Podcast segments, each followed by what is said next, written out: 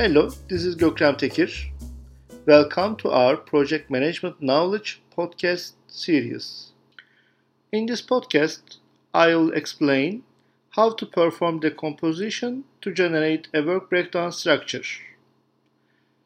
The project management body of knowledge defines the work breakdown structure as a hierarchical decomposition of the total scope of work to be carried out by the project team to accomplish the project objectives and create the required deliverables. Now let me define the word decomposition. It is the process of breaking down total project scope into deliverables which are further subdivided into smaller elements continuing until arriving at manageable components. Generating a work breakdown structure helps to restrict non-value added work for the defined time and prevents wasting scarce resources usage time.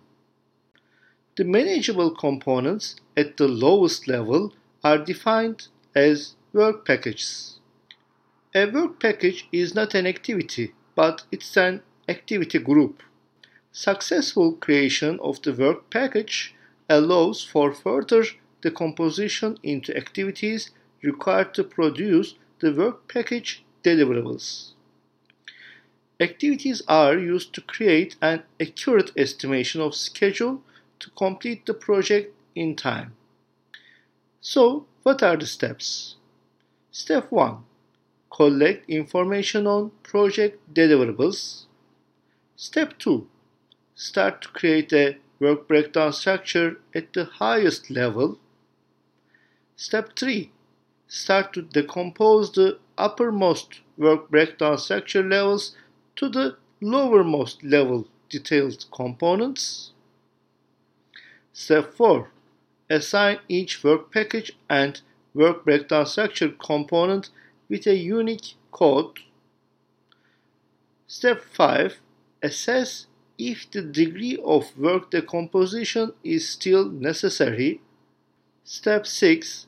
Create a work breakdown structure dictionary that includes the definitions and attributes of the different elements in the work breakdown structure.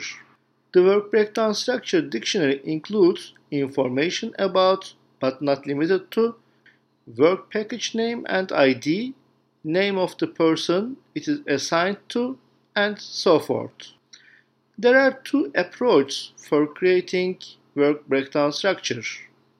One of them is the top-down approach.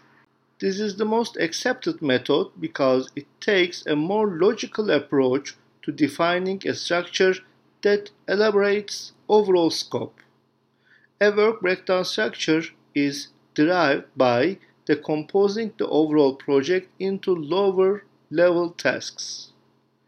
This decomposition proceeds until the tasks or work units reach a level for accurate estimation.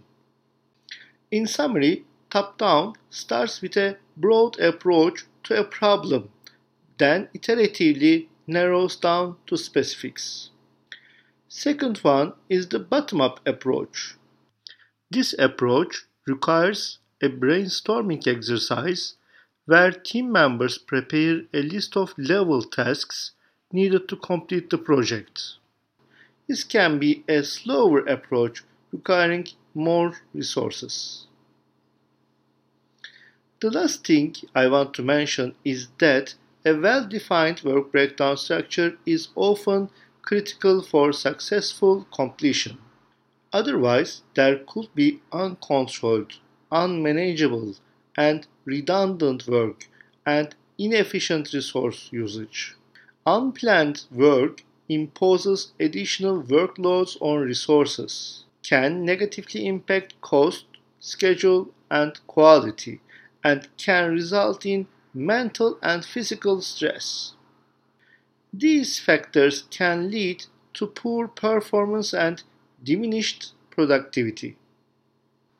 If you'd like to learn more about project management, you can attend our related courses. please contact me at gokhantekir at gmail.com. You can see my email address in the description section. On the other hand, you can support us from our Patreon page, which is patreon.com slash project management. Hope to meet you in the next podcast. Bye bye.